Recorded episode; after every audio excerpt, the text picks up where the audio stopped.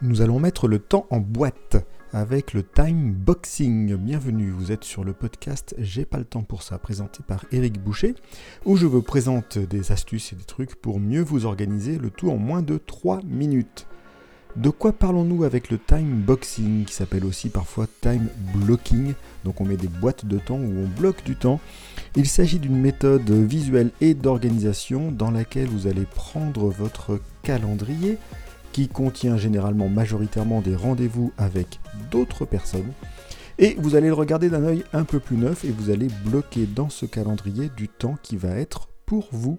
Euh, pour une raison très simple, c'est pour être sûr d'avoir le temps de vous occuper des activités qui sont prioritaires.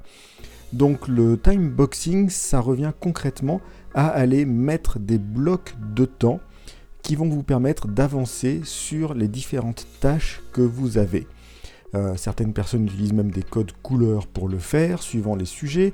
Vous allez pouvoir le relier aussi si vous avez des thèmes par rapport à ce que vous allez faire dans la journée. Et bien évidemment, on peut faire un lien très fort avec la méthode Pomodoro, puisqu'on va essayer de travailler sur des blocs de temps d'une durée suffisante, donc si on se réfère au Pomodoro, une demi-heure minimum et potentiellement jusqu'à deux heures, sur lequel vous allez avancer. Il y a plein de bénéfices à cette méthode du time boxing. Euh, bah, la première, c'est d'avoir du temps pour vous que les autres n'ont pas pouvoir vous prendre, surtout si vous êtes avec des agendas partagés où n'importe qui peut vous coller une réunion. Ça garantit que vous allez avoir du temps que vous avez pu protéger pour vous. C'est important. L'autre intérêt aussi, ça peut servir à gérer la procrastination. On en reparle dans un autre épisode où on parle de la méthode Pomodoro et la procrastination. D'avoir du temps bloqué, vous savez que vous allez avancer, ça peut vous permettre de démarrer certaines tâches qui ne sont pas forcément évidentes. Pour d'autres personnes, ça va aussi agir comme un cadre, euh, et notamment aussi pour euh, combattre le perfectionnisme potentiellement, de se dire ben, en une demi-heure, en une heure, en deux heures, il faut que j'ai fini. Et donc je prendrai là où j'en suis au bout de cette heure que je me suis réservé, et on va prendre euh, voilà, le meilleur de ce que j'aurais pu faire à ce moment-là. C'est un moyen aussi bah, de libérer votre créativité potentiellement, puisque vous dites j'ai un espace ouvert pendant lequel je vais pouvoir travailler sans contrainte et sans limite.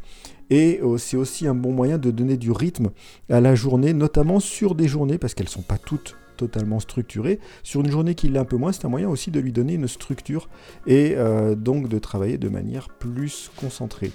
Donc voilà le time boxing ou time blocking. Au fait, est-ce qu'il n'existerait pas un terme en français?